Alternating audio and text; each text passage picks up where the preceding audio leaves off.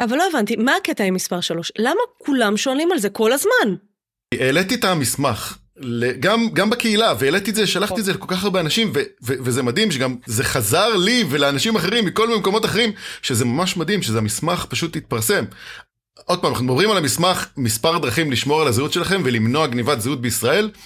ומספר שלוש, שזה היה אירוע שאני לא ידעתי עד כמה אנשים לא מודעים לדבר הזה, שהוא בא ואומר, הגבירו את האבטחה של חשבון הסלולר שלכם על ידי הוספת סיסמה של ארבע ספרות בשירות הלקוחות, שזה בסך הכל בא ואומר, לכו לחברת הסלולר שלכם ותבקשו מהם עוד סיסמה, קוד, שאתם תוכלו להזדהות על ידיו אצלהם. כמו למשל, תנסו שזה לא יהיה יום ההולדת שלכם. או 1, 2, 3, 4. כן. 4, 4, 4, 4, כן, אבל איזשהו מספר שהוא שונה, ואז כל פעם שמתקשרים לחברת האשראי, רוצים שירות מחברת האשראי, כמו למשל, שלום, אני רוצה להפנות את כל השיחות שלי לטלפון אחר. שלום, יש לי סים חדש, אפשר להעביר אותו לטלפון החדש, או כל דבר אחר שאפשר לעשות בחברת האשראי, שתיקח לכם את כל הזהות למקום אחר. פשוט תגידו להם ש... יש ארבע ספרות ש... שרק אתם יודעים אותם. זה פתרון... אבל תנסו לזכור מה הם. תשתמשו בשומר סיסמאות. דיברנו על זה, מיי. דיברנו על זה. דיברנו על זה, נו, אני אלרגית, זה בעיה. אני חושב שזה הזמן לעשות את ה-cue ולהתחיל את התוכנית, את מוכנה? יאללה, מוכנים. יאללה.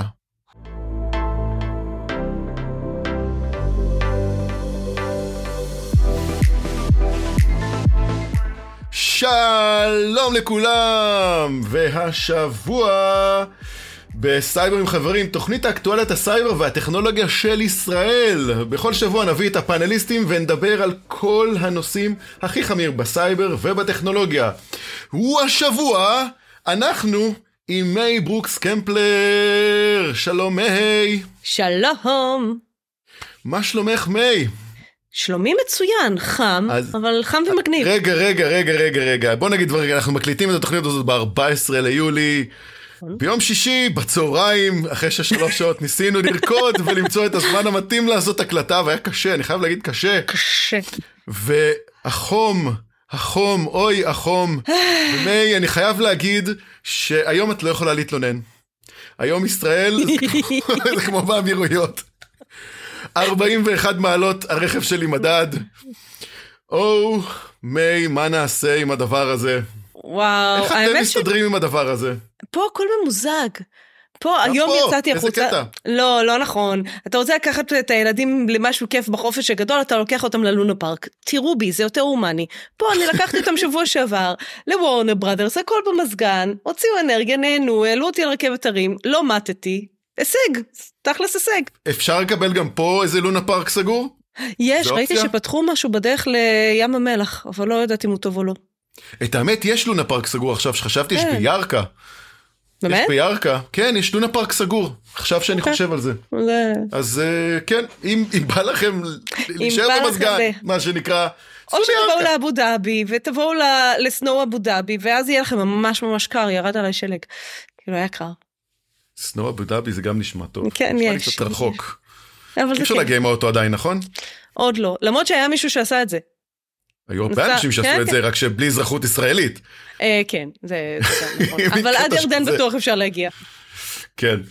אה, טוב, אז אה, אם אתם רוצים לשלוח לנו הודעה, מחשבה או רעיון, ביקורת או כל דבר אחר, אתם יותר מוזמנים להשאיר לנו הודעה בעמוד הלינקדין שלנו, לשלוח לנו מייל לכתובת cyber podcast שטרודל limpox, limpox.co.il ואני חייב להגיד גם על זה משהו, לאחר ההצלחה העצומה שהייתה היה לנו בפרויקט הקודם שלנו בנושא האם אתם צריכים שירות סייבר, ואני ממש מתנצל שלא הצלחנו לחזור לכולם, היה באמת המון פניות. הבנתי שיש עוד נושא שצריך מקום במדינה הקטנה והמדהימה שלנו. האם אתה מספק שירות סייבר? בואו נעזור לחברים, מה שנקרא. ולכן השבוע יהיה טופס לרישום לספקי שירות סייבר במדינה שלנו הקטנה. אז אם אתם ספק קטן, גדול, לא משנה מה, קרוב, רחוק, תירשמו בטופס. ואנחנו ננסה לעשות רשימה של ספקים ישראלים, ונפרסם אותה. בכל מקום שאנחנו יכולים, ולעזור לאנשים. הטופס uh, מצורף כלינק לדף התוכנית, uh, איפה שאתם שומעים את התוכנית, uh, ב show notes למטה. תמלאו, פשוט תמלאו. ונפרסם אולי איזה, יודע, דפי זהב של אנשי סייבר או משהו, נעשה איזה משהו מעניין. בסוף אנחנו, אנחנו שדכנים, אולי שמור לנו מקום בגן עדן. אה, אוקיי. אולי. אולי. יאללה. ננסה. אפשר, אפשר לפרוץ לשם? אה, שאלה טובה. כן, טוב, אז יש לנו כמה עדכונים מעניינים. אבל לפני שאנחנו נעשה את זה, אנחנו נדבר על מה הולך להיות לנו השבוע בתוכנית. אז אנחנו נדבר על עדכוני יום שלישי של חברות הטק, מייקרוסופט וכן הלאה. אה, נדבר על האקזיט של חברת הסייבר סקאדפנס שנרכשה על ידי חברת האניוול האמריקאית.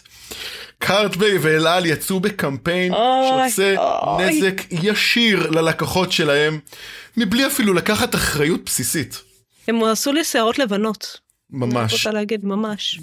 פרוגרס ממשיכה לעדכן את מערכת ה MOVEit עם עוד חולשה קריטית, ואנחנו רק נגיד איזה משהו על הקמפיין הזה.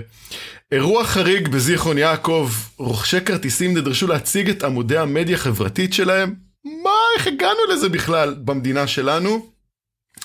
בהולנד הוגשה תביעה ייצוגית נגד חברת אבאסט שמכרה כמויות גדולות של מידע על משתמשים, אבאסט מהאנטי וירוס, AVG גם.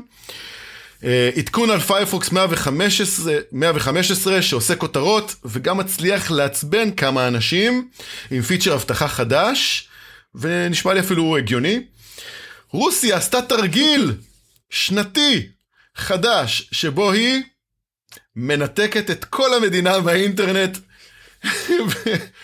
אה, לשעתיים, אין לי מילים להגיד על הדבר הזה, ממש. יהיה לנו עוד מעט.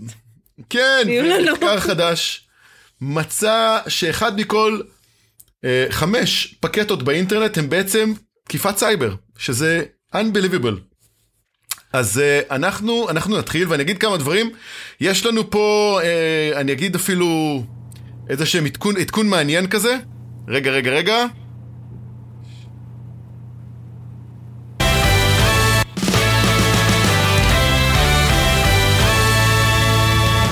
זה היה מפחיד, זה ממש היה מפחיד. לא הייתי מוכנה אה, לזה. מיי, בואי תספרי לנו את החדשות המדהימות אה. שקפצו עלייך השבוע, ואני חושב שזה שווה לספר לעולם. וואי, איזה כיף, לגמרי. אמ, אז למי שלא מכיר את ISC בריבוע, אז פינת הפרסומת ל-ISC בריבוע. ISC בריבוע ארגון ללא כוונת רווח, זה הארגון שעומד מאחורי ה-CISSP, קיים מעל 30 שנה, באמת ארגון שעושה הרבה מאוד למען המקצוע שלנו. כמו שרוב מי שמאזין לנו כנראה יודע, אני מאוד מעורבת יחסית בארגון, אני גם מרצה של CISSP ושל HCISPP וגם כתבתי להם ספרים ואני מעורבת בוועדות וה chapter בארץ וה chapter באמירויות. והחל מאתמול בערב פורסם שאני מועמדת לשבת בעצם ב board of directors של ה-ISC בריבוע שזה כבוד מאוד גדול כישראלית קודם כל צריכה להיות מאוד ייי לי כן, אז התהליך הוא תהליך מאוד מעניין, זה תהליך, קודם כל תהליך מקצועי, הגשתי מועמדות, עברו על קורות החיים, יש ועדת איתור שלמה.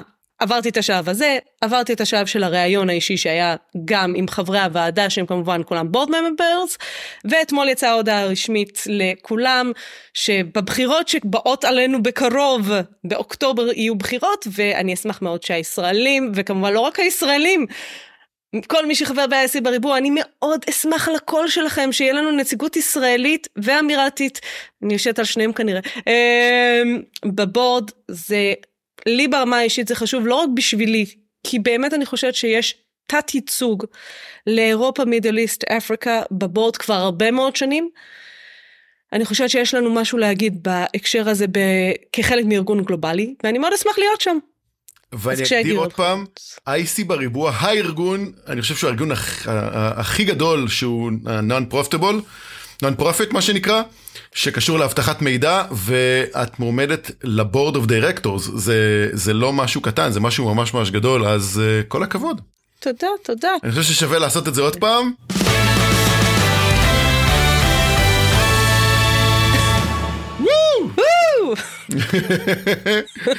אז כל הכבוד מי, באמת. תודה. אז uh, בוא נחזור לדברים uh, הסטנדרטיים והרגילים, את יודעת, האנשים הפשוטים. מייקרוסופט, אנשים מאוד פשוטים. נכון, אז מייקרוסופט הוציאה uh, את עדכוני patch uh, Tuesday שלה, וכמו שהתרגלנו, עם שלוש ספרות, ממש מרגיש שמישהו היה בחופשה או משהו ולא הגיע לסכומים, למספרים האלה. וכן, אז החודש הם הוציאו 123 עדכוני אבטחת מידע, רובם אחרי היו לווינדוס כמובן, שזה, שזה מדהים, היה גם patch uh, מאוד מאוד חשוב לאופיס, uh, שקשור ל-HTML. Uh, כן, אפשר להגיד גם שאפל הוציאו כמה עדכוני, עדכונים קריטיים, שבוע שעבר הם הוציאו עדכון חשוב למנוע, למנוע הגלישה שלהם, ומשכו אותו חזרה לאחר שכמה אתרים גדולים כמו פייסבוק, אינסטגרם, וואטסאפ, זום, הוציאו התראה למשתמשים שהדפדפן שלהם לא נתמך.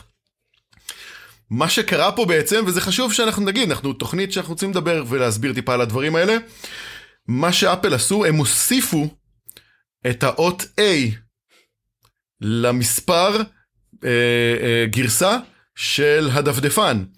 וכל האתרים האלה שלא רגילים שבמספר גרסה יש להם אות. אה, אותיות ויש רק מספרים ונקודות, הם פשוט אה, נפל בפרסינג, ומה שזה אומר שבא ואמר להם, לא מכיר אתכם, אני לא יודע מה אתם עושים, לא מכיר את הדפדפן הזה, תתחברו עם דפדפן אחר. אז לאפל לקח כמה שעות, כמה שעות להבין את הטעות המרה והמטורפת הזאתי. והם אה, חזרו חזרה והם אמרו שיעשו עדכון חדש, לא עם A, ולא תגיד, ולא תגיד שזה כאילו מדובר על אתרים קטנים איזוטריים. כאילו הייתי מצפה כן. שב-QA ייכנסו לפייסבוק או לזום או לוואטסאפ, כאילו זה לא נשמע לי כזאת בקשה מוגזמת. כן. אבל אולי זה, זה, זה, זה היה באמת uh, אירוע. אז הם הוציאו עכשיו עדכון חדש בי, שלא מסדר את זה ועושה את ה... ולא מכניס אותיות uh, למספר, וכזה כנראה יהיה משהו משמעותי וחשוב. עוד עדכון, פורטינט הוציאו עוד עדכון קריטי משמעותי, פר, מי, אני, יש לי כבר תחושה שפורטי נכנסת יותר מדי בחדשות שלנו בשנתיים האחרונות, היא פשוט סובלת מעודף יחס של תוקפים, שזה חדשות טובות, זה אומר שיש לה כבר מסה קריטית משמעותית במקומות טובים וחשובים, כי בסופו של דבר, תכף אנחנו נדבר גם על MOVEit עם פרוגרס, ברגע שיש פוקוס על איזשהו מוצר, מוצאים בו באגים. אז... זה כמו שבזמנו שלנו... אמרו שבאפל אין, אה, אין חולשות. לא, זה פשוט לא היה פופולרי מספיק בשביל שיחפשו בהם חולשות. ככה, זה... ממש ככה, כן. כן. אז uh, העדכון קריטי שלנו מאפשר לתוקפים להריץ פקודות על מכונה מרחוק, זה על הפרוקסי שלהם ועל ה-40OS. אז חשוב להגיד שמי שיש לו מכונת 40, יש אפשרות לעשות עדכון אוטומטי במכונה. אני אגיד את זה אחרת. לפני כמה שנים עדכון אוטומטי בפורטי לא היה אמין, היה בעיות, היה יכול ליפול, מכונה לא עובדת, היה מין סוג של אה, חוסר אמון בקונספט הזה של עדכונים בפורטי, ולכן רק אנשים שמספקים שירות היו באים, מתחברים ועושים את העדכון הזה, ואני זוכר, היו לי שנים שהייתי מספק שירותים לחברות, גם אני הייתי עושה את הדבר הזה, לא הרבה חברות, כמה חברות של אה, חברים, והייתי מתחבר ועושה להם את העדכונים האלה, והדבר הזה היה, היה מטריד, וכן, גם לי זה לפעמים זה היה קורה, אני אגיד, יודע, התקנתי אלפי פעמים, לפחות חמש או עשר פעמים פלוס מינוס, המכונה קרסה והייתי צריך להגיע למכונה ולעשות לה ריקאברי ולעשות את זה. ברמת התחושה זה לא מאה אחוז, ואין משהו לדבר הזה, אבל אני עדיין אבוא ואגיד, זה עדיין שווה לעשות עדכון אוטומטי. עדיף שהמכונה תיתקע, לא יהיה שירות, מאשר שהיא תהיה חשופה. אז אה, אם אתם רוצים לעשות אה, עדכון אוטומטי בפורטי, צריך להשתמש ב-config system FortiGuard, לעשות set auto firmware upgrade, לעשות enable, ויש שם כמה אפשרויות שאפשר uh, להגדיר. תעשו את זה, זה חשוב. Uh, מיי, אנחנו לא נגיד עוד פעם את, את המושג הזה של uh, תעדכנו, תעדכנו, תעדכנו. הייתי אומר כבר, uh, בוא, בוא נגיד פשוט את העניין הזה של uh, את... Uh, לא רק תעדכנו, תעשו עדכון אוטומטי, ותגדירו עדכון אוטומטי. ושהספקים והקבלנים וה, והוונדורים יעשו עדכון, עדכון אוטומטי. לגמרי, לגמרי עדכון אוטומטי, וכאילו, תעדכנו, די. לא, אתם לא, יודעים מה לא, אנחנו הולכים להגיד, לא, תעדכנו. לא, אל תעדכנו, אל תעדכנו. תעדכנו. לא לעדכן, לעשות הגדרה של עדכון אוטומטי. כן. כי להגיד לאנשים תעדכנו, זה טעות שאסור לעשות נכון. את זה. רק אם יש לך שליטה, תעדכן, ואם אין לך שליטה, זה יותר גרוע. ואם יש לך שליטה אמיתית, תגדיר עדכון אוטומטי. מיוחד כן. דברים מחוברים לאינטרנט כמו firewall, בואו. כן, כן, okay? אוקיי? אמרנו. אז אה, בואו נדבר על אה, חברת סקאדה פנס, שהיא חברה תל אביבית עם אנשים ממש ממש טובים. ואפילו הייתי במשרדים שלהם עם חבר טוב שלי, דוד כהן, שהוא עוזר להם בכל מה שקשור למערכות בקרה. אני אגיד את זה ככה בסתם קוריוז כזה, לפני כמה שנים הייתה לי חברה, לימפוקס, והייתי מספק שירותים להמון המון חברות. אז אחד הדברים שהייתי עושה, הייתי תומך בחברות סטארט-אפ שהתחילו בכל מה שקשור למערכות בקרה, לפרוטוקולים. אז הייתי עושה הרבה דברים כאלה, וגם דוד כהן עושה את הדברים האלה, כי הוא איש בקרה אוטודידקט מדהים, מדהים, מדהים, לומד דברים בצורה לא הגיונית, הוא באמת מקצוען, וגם הוא עושה את הדברים האלה, והייתי איתו שמה, וראיתי חברה מאוד רצינית עם קיר מאוד יפה שדוד כהן עשה להם, שקשור למערכות בקרה, עם מלא בקרים ומלא סוגים של דברים, ואני שמח להגיד שהם, רגע, רגע, רגע, רגע, רגע, רגע, ייי! לא? לא. לא. לא. לא. אז אה, כן, אז אה, הם עשו אקזיט, והם עשו אקזיט לחברת האניוול האמריקאית. העסקה היא מוערכת בכמה עשרות מיליוני דולרים, וכולנו תקווה שזה רק יעצים את החברה עצמה וייתן לה יכולות חדשות וגדילה של כוח אדם ישראלי. אז מזל טוב לסקאדה פנס, איזה כיף. לגמרי, והנושא כידוע קרוב לליבי, אם דיברת על קיר סקדות גדול שלי כבר אוטוטו מוכן, אני ממש מחכה. האנביילינג ממש בקרוב, אני ממש מחכה שהוא יהיה מוכן, אבל באמת זה נושא כל כך חשוב, דווקא אני שיושבת פה באיחוד האמירויות עם כל הבארות נפט, נושא מאוד קרוב ללב של הרבה אנשים, חסרים אנשים טובים בתחום הזה, אז אני מאחלת להם המון הצלחה. יאללה, להם בהצלחה, איזה כיף. ואנחנו נעבור לחדשות הבינה עם עומר הררי. היי חברים, שבוע טוב. היה לנו עוד מלא דברים מגניבים השבוע, כרגיל. נתחיל מההתחלה. למי שזוכר, בשבוע שעבר OpenAI קיבלה תביעה גדולה על כל העניין של איסוף דאטה, ואז גוגל רצה לשנות את המדיניות פרטיות. אז הסתבר שעשתה את זה קצת מאוחר מדי, כי עכשיו בדיוק אותו משרד תובע גם את גוגל, בדיוק על אותה טענה. האם זה אומר משהו לגבי תחום הבינה המלאכותית? חד משמעית כן. האם אנחנו נראה מזה משהו שקורה? כנראה שלא. בכל מקרה זה לא הפריע לדברים להתחיל לזוז. מה זאת אומרת? OpenAI הכריזה על כמה עדכונים, מעבר לזה שהיא הכריזה על זה ש-GPT-4 API פתוח כרגע לכולם, היא גם עשתה את מה שכולנו חיכינו לו ופתחה את ה-Code Interpreter של משתמשי ChatGPT+. אני לא ארחיב בנושא הזה, כי רותם נראה לי כדאי שאתה תדבר על זה, אבל בואו רק נגיד ככה שזה הולך לשנות את המשחק משמעותית. דרך אגב, אם השתמשתם ב-API של אה, GPT, אז קחו בחשבון שאתם צריכים לשנות ולשדרג ידנית את האינטגרציה שלכם, כי מהרביעי בינואר 24, כל האינטגרציות שהיו לא יהיו רלוונטיות יותר. בכל מקרה, גם קלוד הוציאו עדכון, וקלוד 2 יצא החוצה. הוא לגמרי מתחרה הגון ל-GPT-4, ויש אפשרות גם להשתמש בו בחלק מהמקומות. לא כרגע בצורה ישירה, כי עכשיו הוא פתוח רק בארצות הברית ובריטניה. אבל מה שחשוב לדעת זה שמשתמשים יכולים להזין עד 100 אלף טוקנים בכל הנחיה, מה שמאפשר לקרוא ולעבד מסמכים נרחבים הרבה יותר, ומפה גם היכולות, סביר להניח שנראה בעתיד, יגדלו יותר.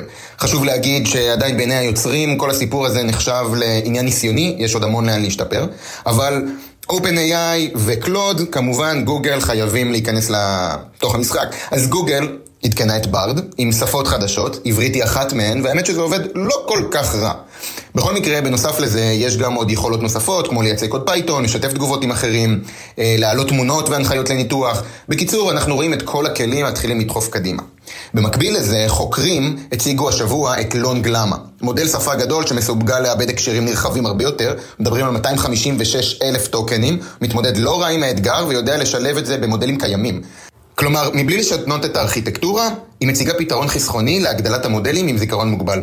במילים פשוטות, עוד כוח לכלים שגם ככה אנחנו לא מבינים את הכוח שלהם. יכול להיות שזאת הסיבה אולי שה-OECD עוד הפעם הזהיר השבוע, כי למעלה מרבע מהמשרות נמצאות בסיכון גבוה לאוטומציה עקב עליית הבינה המלאכותית. ולמען האמת, אנחנו לא רואים את האנשים כל כך בפאניקה עדיין. יכול להיות שזה בגלל שאנחנו עדיין לא מרגישים את זה בידיים שלנו, והטכנולוגיה מפתחת למקומות אחרים. כלומר, חוקרים מ-MIT פיתחו כלי חישובי בשם FrameDiff, המשתמש ב-AI גנרטיבי ליצירת מבני חלבונים חדשים.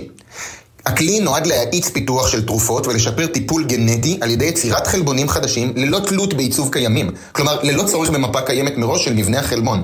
אנחנו מדברים על צעד ענק למקום בו AI מוצא תרופות למחלות שעד היום לא היה להם מרפא. אני נלהב מזה בטירוף, אבל אתם יכולים להבין למה.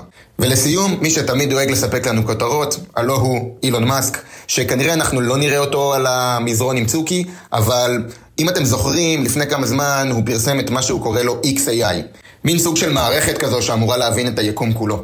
בכל מקרה, הם סוף סוף הקימו איזשהו סמוק סקרין. אז אם אתם רוצים לעזור לו להבין הכל על היקום, אם תחפשו XAI, תוכלו להיכנס לדף נחיתה שלו, ואולי להירשם ולהיות חלק מתוך הצוות המדהים הזה שהוא בונה שם.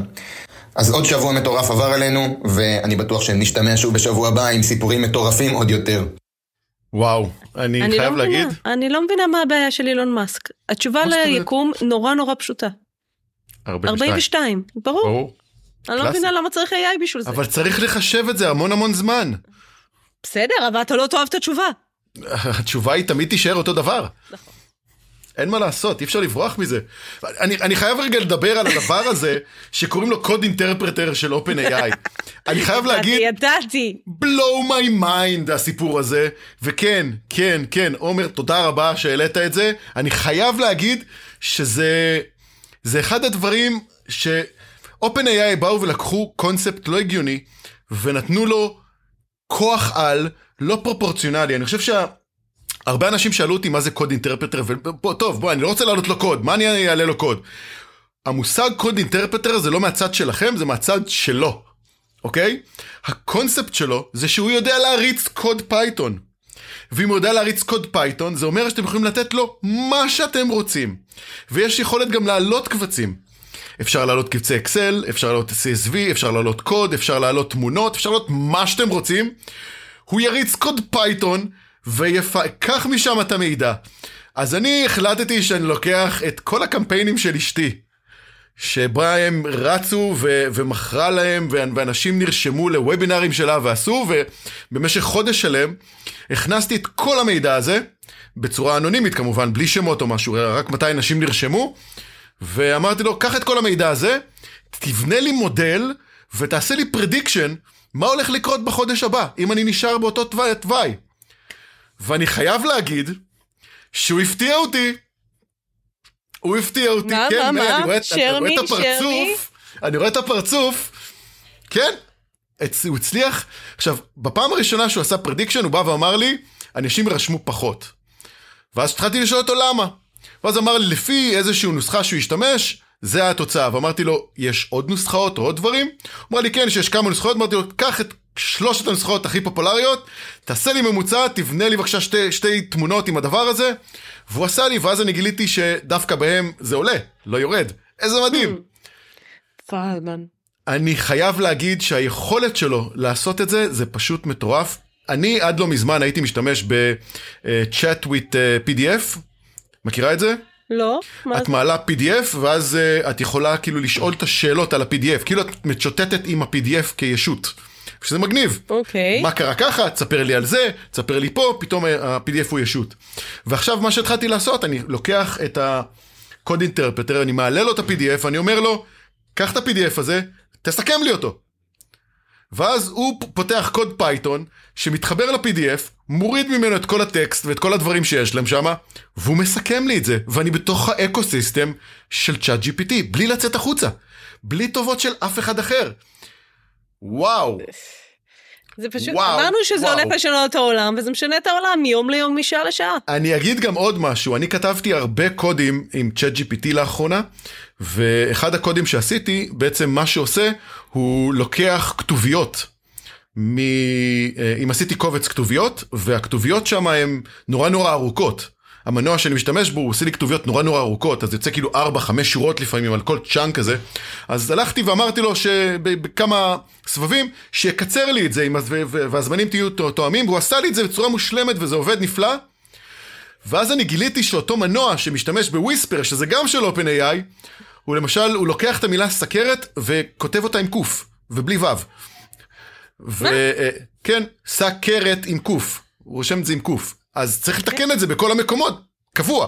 אני לא אפנה ל-OpenAI ואני אגיד לו, תתקנו אצלכם, אני עדיין רותם בר מישראל הקטן, כן? אז אמרתי לו, קח את הקובץ ותוסיף לי יכולת תיקון spell אה, אה, אבל של מילים שאני רוצה, לא, אל, אל תמצא לי איזה משהו אוטומטי, אני. משהו אוטומטי יכול לסבך. ואז התחלתי לתת לו את זה, ואז הוא שאל אותי, ה code interpreter, האם אתה מסכים, אחרי שסיכמנו את כל הדברים, האם אתה מסכים שאני אערוך לך את הקובץ? ואז אני צריך להגיד לו כן. ואז הוא אמר לי, ערכתי לך את הקובץ, זה הקובץ, זה השינוי שעשיתי לך. Oh my god. Oh גדול. אומייגאד, אומייגאד. פייבר פושטים את הרגל. זה פשוט מטורף. זה מדהים, זה מדהים. לגמרי. זה פשוט מטורף, כן.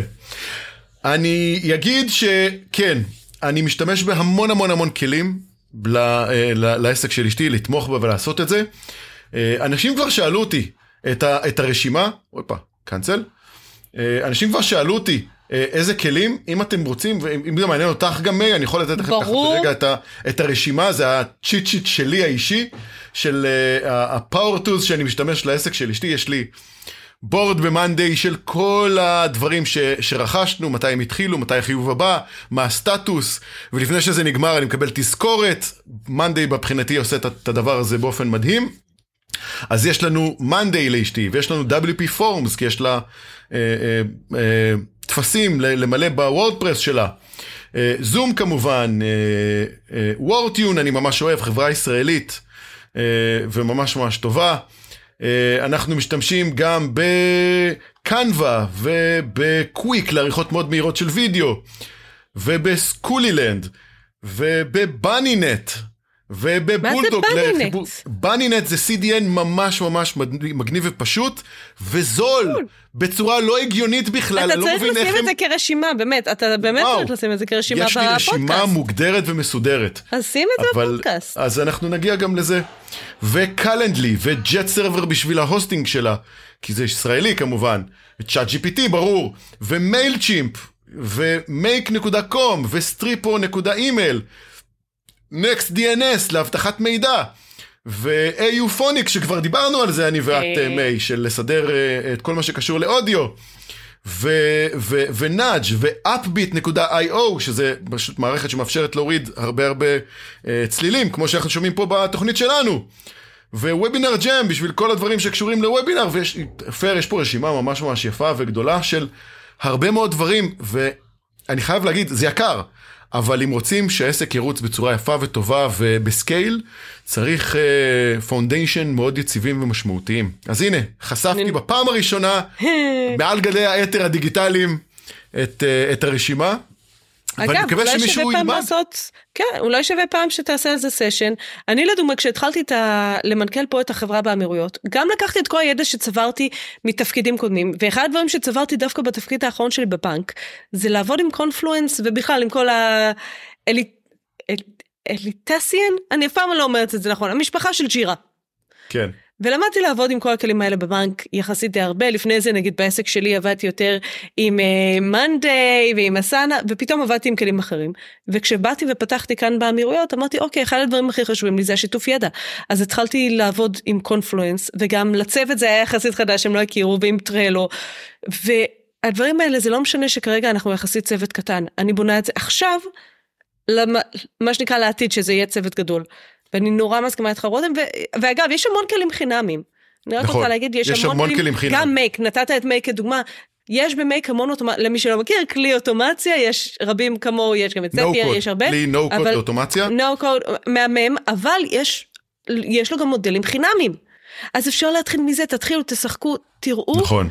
once נכון. אתם רואים שאתם אוהבים Make, סבבה, תשקיעו ברישיון, זה שווה אגב, לגמרי. אגב, פתרון open source שגם עובד אה, בדומה כקונספט זה N8N, N8N, זה פתרון open source שאפשר להריץ על המחשב שלכם, בלי שרת, בלי cloud, על המחשב שלכם, וזה יכול לעשות אוטומציה, זה מאוד מאוד נחמד לכל מי שיש לו DevOps וכל מיני כאלה ורוצים לעשות כל מיני כישורים בארגון לכל מיני API וכל מיני אוטומציות, זה יכול להיות מגניב כי זה רץ בתוך הארגון ונותן פתרון ממש ממש נחמד וחשוב. אה, ולא רשמתי ברשימה שיש לנו גם את ריברסייד FM, שזה בעצם הפלטפורמה שאיתה אנחנו מקליטים, ופתאום קלטתי את זה, שזה לא ברשימה, אז הלכתי, רשמתי את לא זה ישר, נכון? אז כן, אז גם את זה. אה, אז אה, כן, זה, אלה הדברים, ו, והייתי אומר, אם אתם רוצים שמשהו ירוץ כמו שצריך, רוצים שירות טוב, רוצים שהוא יהיה בסקייל, תשלמו. זה, זה הקיצור דרך הכי טוב והכי נכון לעסק, אוקיי? לגמרי. אז אני חושב שאפשר לעשות את הסימון הזה, נכון? את מוכנה? את יושבת מי? את פשוט יושבת? אני חייב לספר לך על משהו שקרה בארץ. משהו, אין דרינק שיכול להעביר את הדבר הזה. לא. FlyCard ואל על יצאו בקמפיין, FlyCard, סליחה, FlyCard ואל על יצאו בקמפיין שהוציא לי באופן אישי את המילים מהפה. וזה לא קורה כל יום הסיפור הזה. אז מה האנשים הטובים בישראל התבקשו לעשות? בואו בוא נשמע בקמפיין המדהים שלהם. אז אחד, להירשם לעמוד ה LinkedIn שלהם, שזה קלאסי, סבבה, איזה כיף. אינסטגרם, רק אומרת עמוד כן, אינסטגרם. כן, באינסטגרם, באינסטגרם, כן. תירשמו, כן, אם אתם רוצים. קל. והדבר השני, בואו נשים את זה, רגע, יש פה דראם רול לדבר הזה? הצטלמו עם השילוט החדש שלנו. וואלה, נשמע טוב ונחמד, ואפילו הוא נמצא בנתב"ג. אבל... אבל... יחד עם כרטיס הפלייקארט שלכם, שזה כרטיס אשראי. הם רוצים שתעשו סלפי עם כרטיס האשראי שלכם מול התמונה שלהם, ותתייגו אותנו. אני ממש ממש ממש מקווה שזה היה איזה קמפיין העלאת מודעות ועוד נגלה את זה עוד כמה ימים. אני לא יודע. אני ממש רוצה, אני ממש רוצה את זה. אני לא יודע מה, מה, מה הם חשבו להם. מה, מה, את יודעת, כשיש חברה גדולה, אז... Uh, תראה, כשיש חברה גדולה כמו אל על, לא יוצאים לשום קמפיין בלי המחלקה המשפטית. והמחלקה המשפטית הייתה מעורבת בקבלת ההחלטות לעשות את הקמפיין הזה, אז המחלקה המשפטית רשמה בתקנון המבצע, אוקיי? אגב, מי שיזכה ויעשה תמונה הכי... עם, עם, עם הצורה מגניב או וואטאבר, יזכה בכרטיס טיסה לאחד מהיעדים באירופה. אבל הם גם רשמו בתקנון המבצע, כל המשתתף בפעילות ובכל הכרוך בה, עוסקן על אחריותו בלבד, והחברה או מי מטעמה או כל צד שלישי המשתתף עמה בפעולה, בקשר או עם הפעילות, לא יהיו אחראים לכל נזק ישיר או עקיף, הפסד, הוצאה ואובדן רווח, לרבות נזקי גוף ועוגמת נפש, אשר יגרמו למשתתף בכל הקשור לתחרות הזאת. לרבות ובלי לגרוע מכלליות האמור בכל הקשור לאופן ביצוע הפעילות, לעדכון תנאי הפעילות, לאופן גביית הזוכה, לאופן קבלת מימוש הפרס ולכל החלטה או פעולה אשר תתקבל או תעשה על סמך הפעילות וההשתתפות בתחרות. מה שזה אומר, תצטלמו עם התמונה שלכם, תפרסמו אותה ברבים, וזה זבשכם מה שנקרא. כן, עכשיו, אהבתי, היה לנו איזה דיון באחת הקבוצות סייבר, ואחד החבר'ה אמרו, מה אכפת לי, אני במילא אקבל פיצוי מהחברה, תגנבו לי את האשראי, I don't care. ובנורמל זה נכון. בנורמל הם גונבים את האשראי, למרות שהיום כבר חברות האשראי לא כאלה פראייריות, והן רוצות לראות מה עשיתם, ואם נתתם קוד, הן כבר ממש לא כזה פראייריות, הן לא יפצו. אבל נגיד, אבל במקרה הזה, אל על ופלייקארד כיסו את עצמם יופי יופי, ואם אני ומה שנקרא, עכשיו לך תוכיח שלא בגלל זה גנבו לך את האשראי. כי עכשיו גנבו לך את האשראי לא בגלל הקמפיין הזה, גנבו אותו כי whatever, ואתה השתתפת בקמפיין לפני שנה. מה אתה רוצה, חמוד? למה אתה בא אלינו לפיצוי? השתתפת, פרסמת את כרטיס האשראי שלך ברבים, מה אתה רוצה? אגב, זה מזכיר לי שלפני כמה שנים די טובות, די טובות, היה איזה קטע כזה בארצות הברית, שהוציאו כרטיסי אשראי עם עיצוב אישי. שיכולת לבחור עם פנדה, עם נכון. חתולה, עם זה. והיה בטוויטר ערימות של אנשים שצילמו את הכרטיס אשראי החדש שלהם. Oh my God. Oh אגב, אתה oh יודע שכרטיסי אשראי באמירויות, אין לי פה ארנק, הייתי מראה לכם דווקא את כרטיס האשראי שלי. כי בצד, כאילו היפה, אין כלום. Okay. אוקיי. אין כלום, רשום Bonvoy ורשום את השם שלי, וזהו. הכל נמצא מאחורה, בקטן קטן קטן, כאילו גם כשאני מנסה לראות את המספר כזה. מה המספר שלי? אה, כזה, אז הם אה, מסירים את זה יפה, זה גם נמרח, אה, זה משהו נחמד. אבל באמת, הקמפיין הזה, ביגון שעולה. אז אני אגיד שגיק טיים פנו אליהם, והם רשמו, אנו נמליץ בפני משתתפי הפעילות להסתיר את פרטי כרטיס, הכרטיס בעת הצילום. זה, זה, זה הדבר היחידי שהם הצליחו להגיע אליו, וזה מדובר על חברה לא... שמוכרת כרטיסי אשראי. יכלו בקלות, בקלות לעשות לזה ספין ולהגיד, זה היה קמפיין מודעות, וזה, באמת, אני אגב חושבת שאם היה להם איזשהו מומחה משברים שמתעסק בדבר הזה, הוא היה צריך לבוא להיכנס באירוע הזה, ולבוא ולהגיד להם, טוב, חייבים לעשות לזה איזשהו ספין, להגיד, עשינו ככה, להציע לאנשים תרגיל מודעות, לא יודעת, אני, אני לא מנהלת משברי PR, אז כאילו עם כל הכבוד לי ולעצמי היצירתיות שלי פה מוגבלת, אבל היה לי בארץ פלייקארד. כבר אין לי, אבל היה לי בארץ פלייקארד ואני יכולה להגיד לכם שאם הייתי בארץ היום והיה לי את הכרטיס הזה, כנראה שהייתי מבטלת אותו בעקבות האירוע הזה, כי התחושה של זה חוסר ביטחון. אז אני קצת קיצונית, אני יודעת, כבר אין לי פלייקארד כי ניצלתי את כל הנקודות עד האחרונה שבהם בשביל להגיע לסייברטק השנה, אמ, אז לי כבר פלייקארד, אבל באמת תיאטרון האבסורד. כן, לגמרי.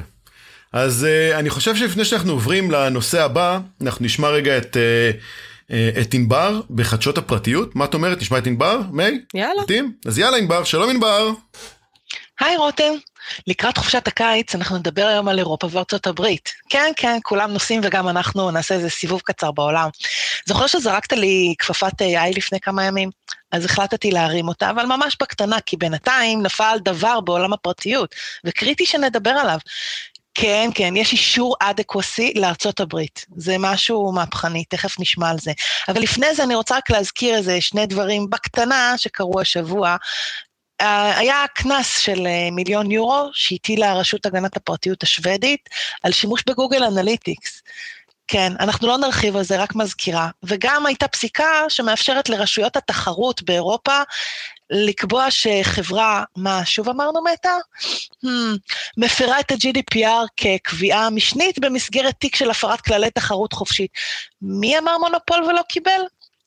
והעיקר, זוכרים שבפרק הראשון דיברנו על מקס שרמס, העורך דין, שניצח במשפטים נגד פייסבוק, והצליח לגרום לביטול של שני הסדרים רבי שנים שאפשרו העברת מידע בין ארצות הברית לאירופה. הראשון, דיברנו על זה, זוכרים, ה-Safe Harbor, והשני שנקבע בעקבות הביטול של הראשון על ידי מקס שרמס, ונקרא uh, Privacy Shields, וגם זה בוטל ב-2020, זוכרים את זה?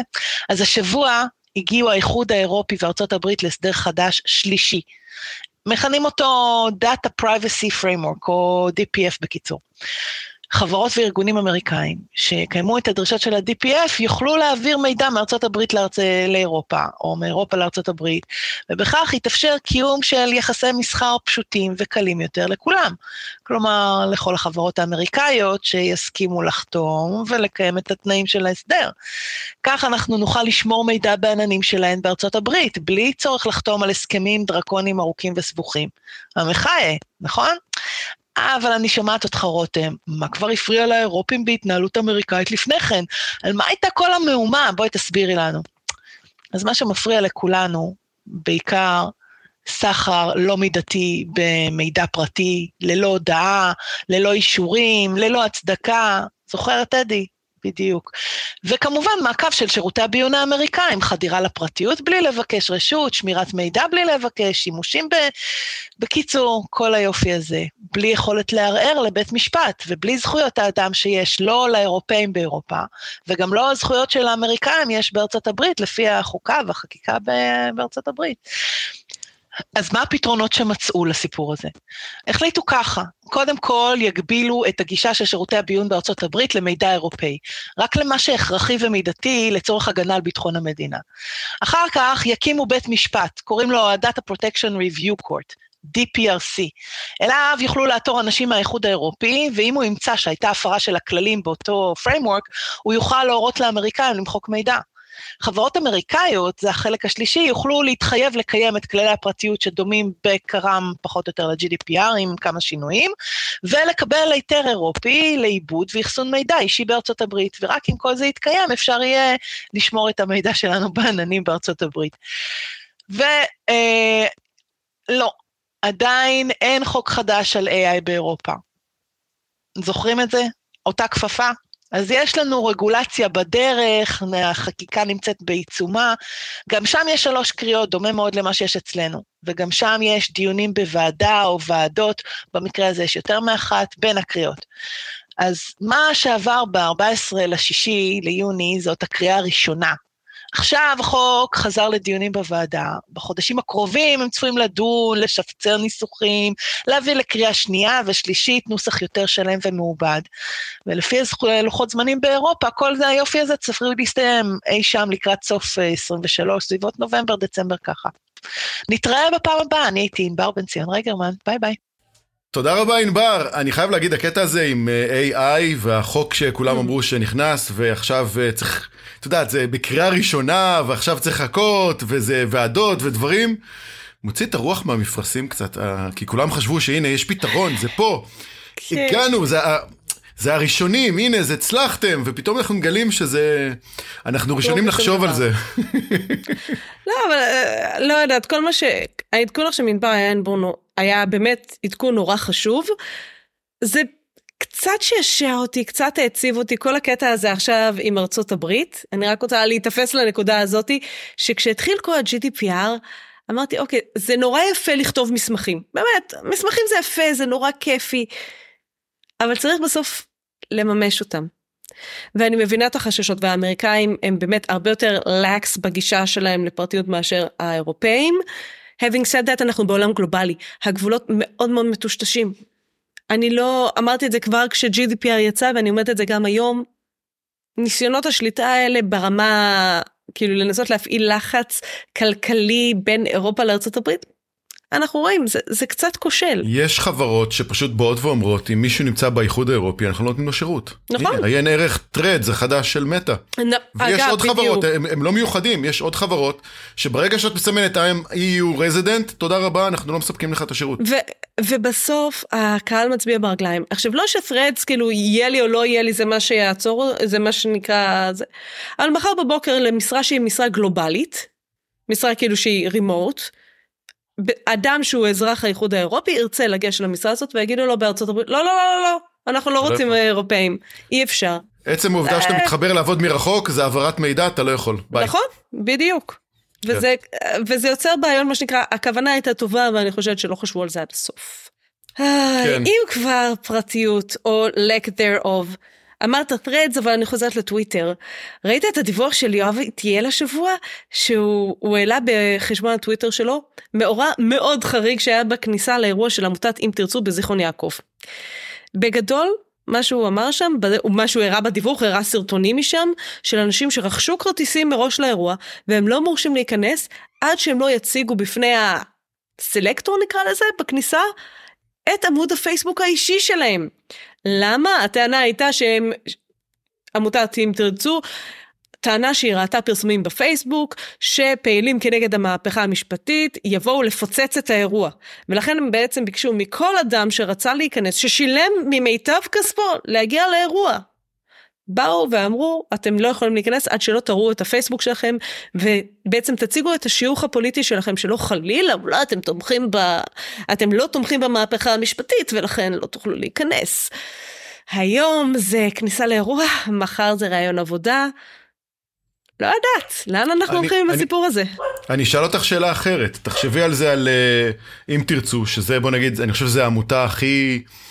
אה, הסמן הימיני שדוחף את, ה, את, את הפעילות שלנו פה בארץ, וכשאת, אה, אם, אם, אם, אם למשל מישהו יבוא לעשות אה, איזשהו רעיון עבודה, באם תרצו, שזה גם, אפשר לבוא לשם, איזה שאלות ישאלו אותם?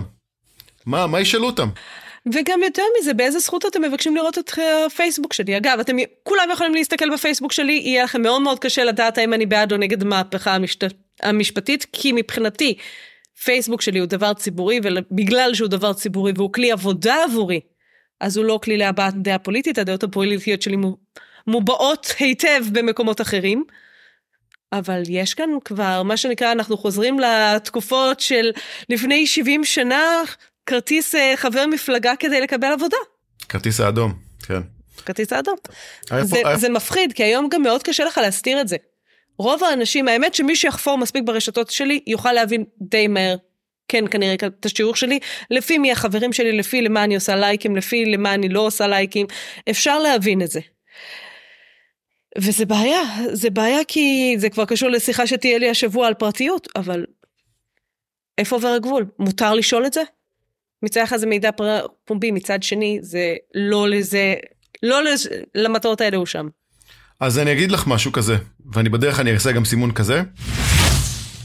אמ, חברת הווסט, החברה שגם קנתה את AVG, אני חושב שזה אחד המנועי האנטיווירוס המפורסמים, וסיפקה למיליוני משתמשים אנטיווירוס בחינם, באמיתי בחינם, וכנראה, עוד פעם, כנראה, מכרה את כל המידע על המשתמשים שלה ממאי 2015 ועד ינואר 2020 לכל המוצרים שהיו לה, וזה כולל, שימו לב, Avast Online Security, AVG Online Security, uh, Avast Secure Browser, AVG Secure Browser, uh, Secure Browser, uh, AVG Online Security Extension, כל, כל המוצרים האלה, שבעצם uh, המשתמשים שלה, הלקוחות שלה השתמשו, אז המידע הזה uh, כנראה נמכר על ידי חברה בשם ג'אמפשוט בארצות הברית. התביעה עצמה, שהיא כאמור uh, תביעה ייצוגית, נפתחה על ידי uh, עמותה בשם CUIC, שזה Consumers for United in Court בהולנד.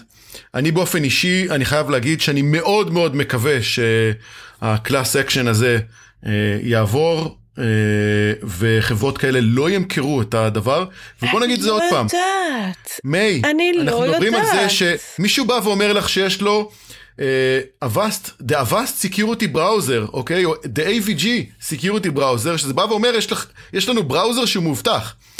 העניין הוא שהוא מובטח מכולם חוץ מאיתנו שאנחנו ה vendor. אז שנייה, אז אני אגיד על זה דבר כזה, כשהמוצר הוא חינם אתה המוצר.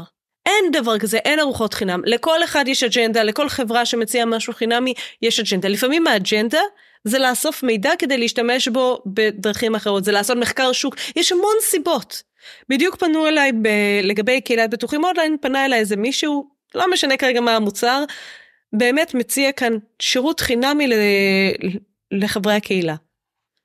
עכשיו ברור לי שהוא לא עושה את זה רק מטוב ליבו, הוא אומנם בחור מאוד נחמד אבל הוא לא עושה את זה רק מטוב ליבו. ברור שכשיש 20 ומשהו אלף איש בקהילת בטוחים אונליין זה מאגר ידע מאוד גדול. זה אנשים יותר מודעים, זה אנשים שרוצים לאבטח את עצמם, יש סיכוי שהם ישתמשו במוצר שלו, ואז הוא יקבל דאטה שהוא דאטה valuable. במקרה שלו אין דאטה אישי ולכן אני מאשרת בעצם את הדבר הזה עם איזושהי הטבה לחברי הקהילה, זה חשוב לי לחשוף אותם לדברים שיכולים להועיל להם. אבל הוא לא עושה את זה לשם שמיים, הוא עושה את זה כדי לקבל דאטה. ובסוף, אני, קשה לי, כי דיברנו קודם, אתה דיברת על ה cheat sheet של מוצרים שעוזרים לך לנהל, לעזור לבתי לנהל את העסק שלה. ואתה כן משלם על מוצרים. ואני גם משלמת על מוצרים, אבל יש המון אנשים שלא משלמים על מוצרים, והם לא מבינים שהם כן משלמים על המוצרים האלה. אם לא כך, אז אחרת. ועדיין, למכור את המידע הפרטי של אנשים בלי אישור מפורש מהם, אם אתה נותן לי מוצר ואתה לא מספר לי שכל מה שאני עושה, כמו שאני עושה במוצר, הוא יתויג, יירשם ויימכר בצורה מפורשת, לא באיזה אה, יולה כזה, אתה יודע, end user, end user agreement שלמטה למטה בעמוד 754 רשום ואנחנו מתחייבים, אה, לא מתחייבים לשמור ואנחנו אולי נעשה מזה איזשהו שימוש מסחרי כזה או אחר, אלא לרשום את זה במילים גדולות ו- ו- ומובנות לכולם. כל דבר שתעשה ישמש אותנו כערך מסחרי, זה, זה משהו שהוא לא מקובל על ידי. בדיוק כמו שאת אמרת, לא מקובל כן, על ידך שמישהו ישתמש. זה... השאלה זה אם זה מופיע איפשהו בהסכם אז זה לא, זה לא הופיע, זה בדיוק העניין. אז אם זה לא הופיע אז הם בבעיה משפטית, אבל אני חושבת שמה שיקרה, בוא נגיד שהיא תהיה זכי... שכן יזכו כאן בתביעה הזאת, הערכה שלי שמה שזה יוביל, זה שכן יתחילו להחביא יותר ויותר סעיפים בעייתיים עמוק עמוק ב EULA, ובוא נגיד רגע את האמת, הרוב המכריע של האנשים לא קוראים אותם. ובואי נשים דברים יותר מצחיק. ואז קורא לנו פליי קארד, שאומרים, אה, זה בשכם אם גנבו לכם את הכרטיס נכון. אשראי אחרי שאמרנו לכם תפרסמו אותו ברשת, כי אמרנו לכם שזה יהיה בעיה שלכם. אנשים מדפיסים את התמונה של העין שלהם על, על אה, חולצה. אוי כן, נו די, כן. דיברנו על זה. שבוע כן. שעבר, לא, בפרק שעבר. כן. אז אה, בוא נגיד זה ככה, שזו חברה בכלל אירופאית שמוכרת את המידע בארצות הברית. צריך לקחת את זה על השולחן, אוקיי? כן, יהיה כיף, כן. אז היא, היא הפסיקה לעשות את זה, היא כנראה יודעת למה. אבל uh, טוב, יאללה, בואו נעשה כזה דבר. פרוגרס, שהיא החברה מאחורי מוביט, שמענו ודיברנו עליה כל כך הרבה פעמים, שזה מוצר להעברת הקבצים ולא יודע, מערכת שמתחרה בשארפוינט, עדכנה עוד חולשה בפעם השביעית בכמה חודשים הקצרים האלה. כן, גם הפעם זה SQL injection, וכן, גם הפעם לא תצליחו לשכנע אותי, המצב המוזר הזה שחברה מאפשרת גישה מלאה למנוע ה-AI שלה, בקוד, לשפת ה-SQL שלה, בצורה פשוטה, דרך מנגנון ה-Web שלה, זה פשוט לא הגיוני. כי כל יום אנחנו נמצא עוד ועוד ועוד חורים. השיטה לא נכונה. פרוגרס צריכה לעשות stop, להגיד המוצר הזה לא נכון, הוא לא מתוכנן כראוי, לתכנן אותו בצורה הרבה יותר נכונה, וזהו. ורק אני אגיד שבשנת 2004, 2005, נראה לי, 2006, אני עשיתי טעות הזאתי, זו טעות, זה מה שהיה נהוג אז, ואז יצא uh, מה שנקרא lambda, lamb... lambda, lambda, נראה לי כן, שזה בעצם השפה של מייקרוסופט, איך לתקשר עם SQL בצורה הרבה יותר מאובטחת, נכונה, יעילה וטובה יותר, ואז בעצם מפסיקים לכתוב את כל השפת SQL הארוכה הזאת, אלא פשוט כותבים את זה בתוך, בצורה של קוד. אני אז עוד, עוד מימשתי את זה. ואני הלכתי ומימשתי את הדבר הזה בעוד, בקודים שכבר כתבתי, רק להוריד את, ה, את הדבר הזה. אז כן, אני לא מבין איך אנחנו היום פה ב-2023, מישהו עדיין משתמש בדבר ההזוי הזה, זה, לא יודע למה מלמדים בכלל אנשים את הדבר הזה. עדיין מלמדים את זה? אני מאמין שכן, אחרת אף אחד לא היה משתמש בזה. לא, כי חלק זקנים. אני אגיד את זה אחרת, מייקרוסופט צריכים לבוא במנוע ה-SQL הבא שלהם ולהגיד, לא נתמך יותר, לא. נקודה ביי. kill it, כן, זה נכון. לגמרי. זה, זה כאילו, זה הדבר הכי גרוע בעולם.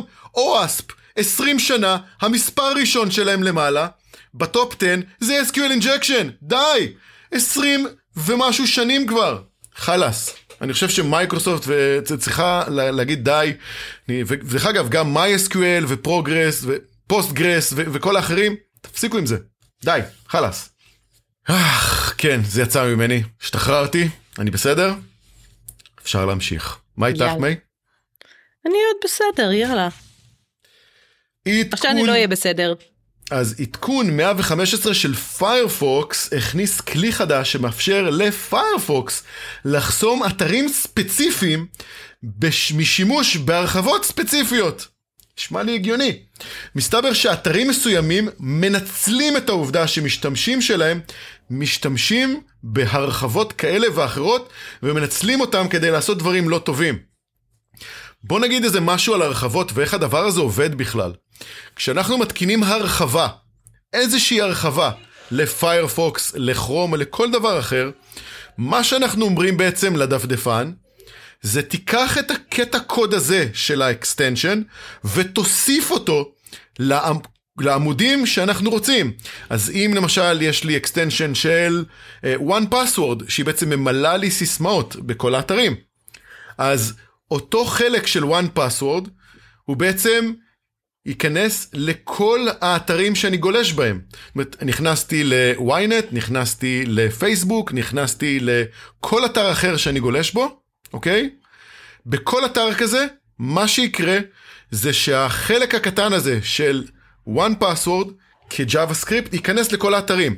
ואז אם האתר יודע שיש לי extension כזה או אחר, הוא יכול להפעיל גם את המנגנונים שיש באקסטנשנים, ואנחנו יודעים שאקסטנשנים אין להם את אותו רמת אבטחת מידע כמו שיש לאתרים. ויש אתרים שיכולים לנצל את הדברים האלה.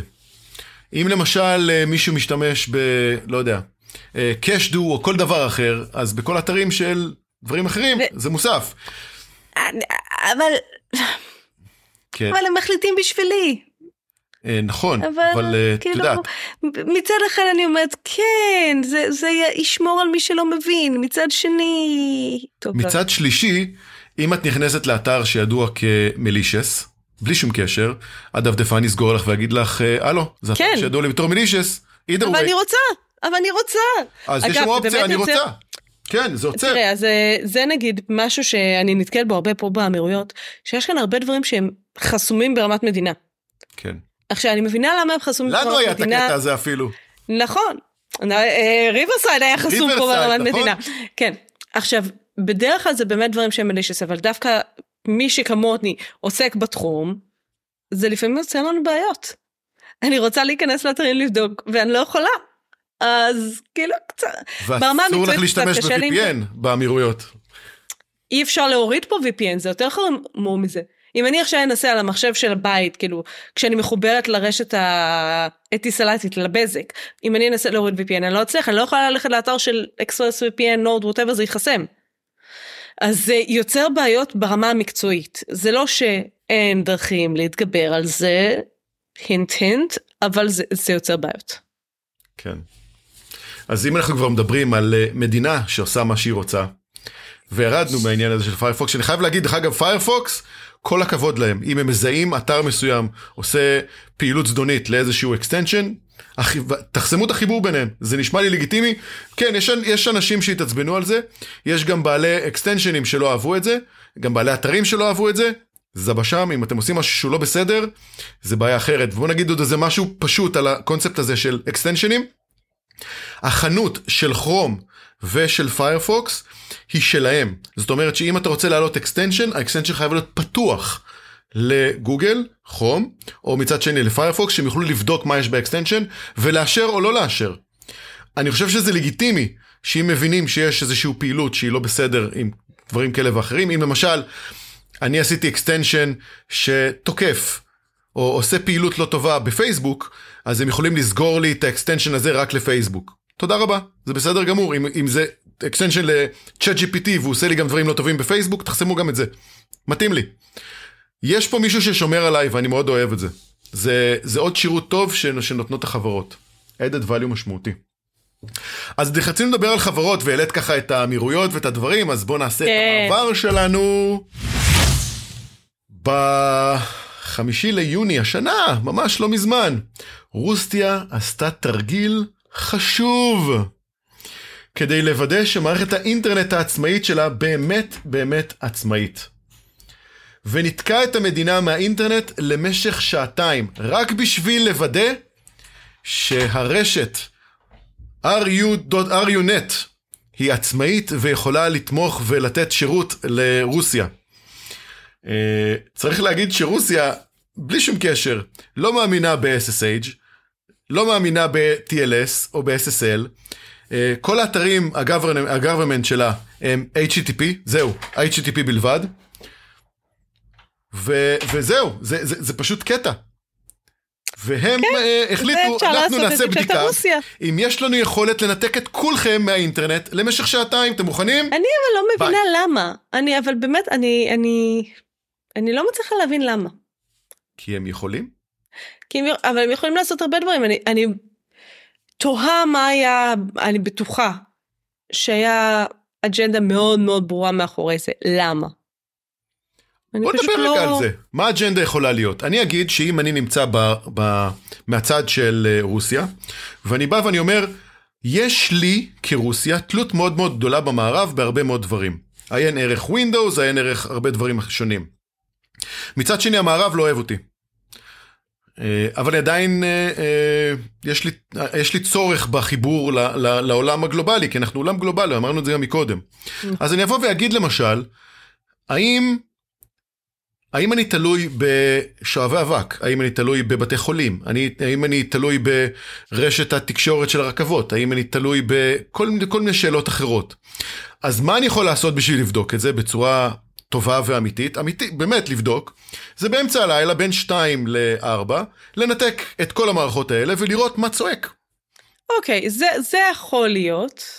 זה גם, תראה, זה, הראש שלי דווקא הלך לכיוונים אחרים, יותר לכיוון של מלחמות תודעה.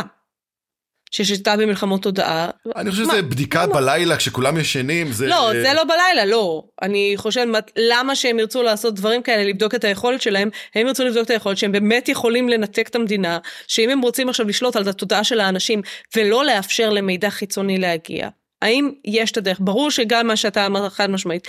בסוף, אני לא יודעת כמה זה היה מחזיק מים אם זה היה באחת בצהריים. או, זה יצא לי חרוז. נכון. אתה יודע, זה אז, מאוד יצירתי מצידי. בוא נגיד את, את הדבר הכי מצחיק, שאנחנו לא חושבים עליו, אבל השכנים שלנו, אה, המדינות הערביות שמסביבנו, כולל הרשות הפלסטינאית, הם מנתקים את האינטרנט שלהם לפחות פעם אחת בשנה, בשעות העבודה, למשך ארבע שעות. הידעת את זה? לא. כן, ממש לא ידעתי את, את זה. כן, הם מנתקים לכולם את האינטרנט במדינה, גם באמצע בפנים, היום? באמצע היום בשעות העבודה. מיי, למה שמישהו יעשה דבר כזה? נסי לחשוב. כדי להציק. לא כדי להציק. לא, לבחון תלות? גם. לא, לא לבחון תלות. לא, אז לא יודעת.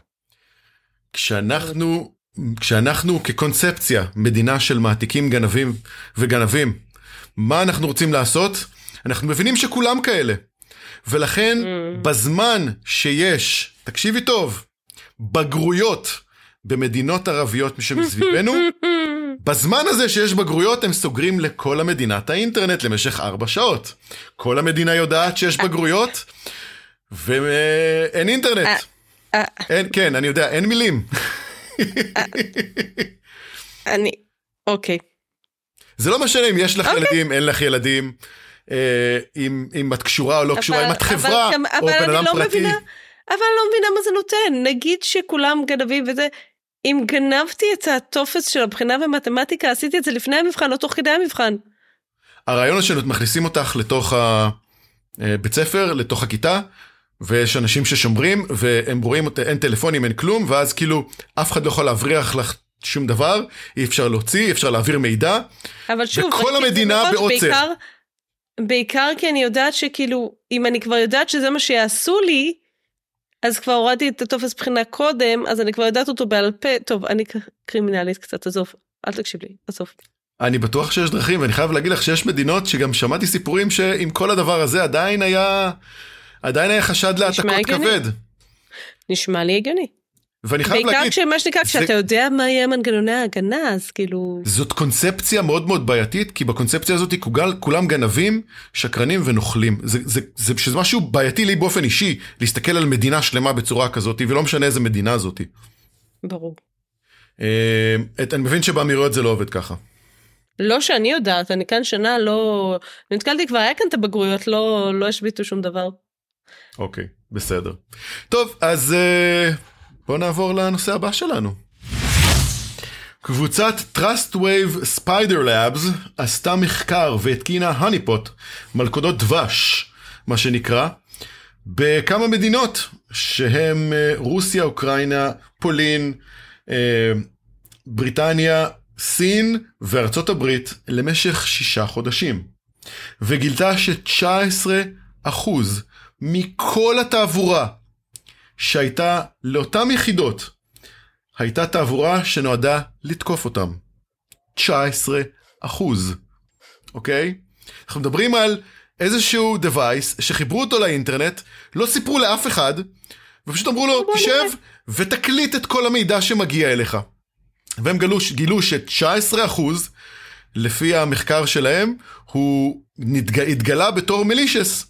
אם את רוצה לשאול אותי, אני חושב שהם היו פה יותר מדי אה, פיקי, וזה היה הרבה יותר, אבל... אה, אתה חושב שיותר מ-20 אחוז זה כן, מליש? כן. אני לא בטוח. כן, אני חושב שכן. העניין הוא שיש מלישסים שהם יותר מתוחכמים, שעושים בדיקו, רק את הבדיקה ולא לא מחפשים לעשות את המלישס, אלא רק עושים בדיקות uh, ראשונות. Uh, וזה, וזה לא נחשב בדברים האלה. אז uh, 19% ליטרלי ניסו לתקוף, אוקיי? עכשיו צריך לקחת בחשבון שמכל התקיפות שהיו, 95% מהם היו מוצרי IoT שתקפו אותם, אוקיי? שכנראה גם הם נפרצו. אז כשאנחנו כן. מסתכלים על התקפות דוס אה, או דידוס כאלה גדולות, כמו שעברנו בכמה חודשים האחרונות וגם uh, uh, uh, בעולם בכמה כן. חודשים האחרונות, כן, יש פה הרבה הרבה פעילות שרצה ומחפשת uh, דברים כאלה. כמו, כן, זה, זה, זה ממש... כמו, כן, כל מה שפתוח בעצם. ברגע שאתה מוצא, מה זה ה honeypot? מחשב פתוח. אה, או כן. צחקו איתו. נכון. אז אני יכול להגיד שאני נכנסתי לוורדפרס אה, של אשתי והתקנתי לה שם איזשהו מערכת firewall, וואי, שכחתי את השם שלו עכשיו, אבל אה, אולי ניכנס ואני אסתכל רגע איך קוראים לזה. כן, רק בשביל להגיד, אמרנו שאנחנו מספרים, אז אני בשמחה אספר ואני אגיד. אה, אז הוא מצא שהאתר של אשתי פשוט אה, אה, כל הזמן תחת התקפה. זה שזה פשוט לא הגיוני הסיפור הזה, כל הזמן סורקים אותו. Wordfence קוראים לו. כן, Wordfence. אה, Wordfence זה תוסף שבעיניי, מי שיש לו היום אתר, באמת, אתר וורדפרס בלי, כן. רשלן, נכון. באמת, ברמה הזאת. אז אני חייב להגיד שבאופן קבוע, באמת קבוע, כל היום יש מתקפות ואני רואה סטרינגים שמחפשים קבצים ספציפיים בתוך האתר של, אה, של אשתי וזה, וזה יכול להיות אה, דברים פשוטים כמו אה, WP login ויכול להיות דברים כמו איזשהו סקריפט, ממש סקריפט שמישהו מחפש. אה, ועוד כל מיני, אה, אני רואה, פה גם הנה עכשיו נכנסתי, כל מיני vulnerabilities של כל מיני, אם, אם מישהו עכשיו אה, יש לו איזשהו תוסף עם vulnerable, עם איזשהו vulnerability, אני רואה שהם מחפשים, ממש מחפשים את התוסף הזה עם הקבצים האלה, ומקווים להגיע אליהם. אם, אם למישהו אין וורדפרס, סליחה, אם מישהו יש וורדפרס ואין לו Wordfence, קחו את זה, קריטי, ותשלמו קריטי, להם, קריטי, קריטי. תשלמו להם, הם בסדר גמור. אוקיי? אה,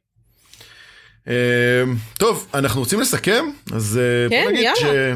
שהתוכנית שלנו מפורסמת בכל הפלטפורמות של הפודקאסטים, וכן, גם ביוטיוב, אם מי שרוצה.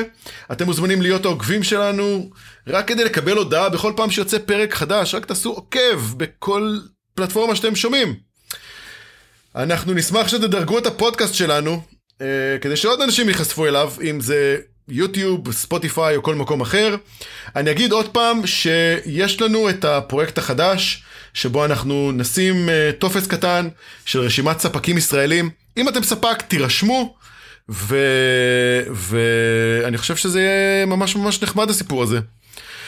אז אני רוצה להודות לך, מיי ברוקס קמפלר. תודה לך, רותם. תודה תודה, ואני רוצה להודות לעומר הררי ולענבר בן ציון רגרמן על חדשות הפרטיות. ואנחנו נתראה בשבוע הבא, אז אה, יאללה ביי! ביי מיי!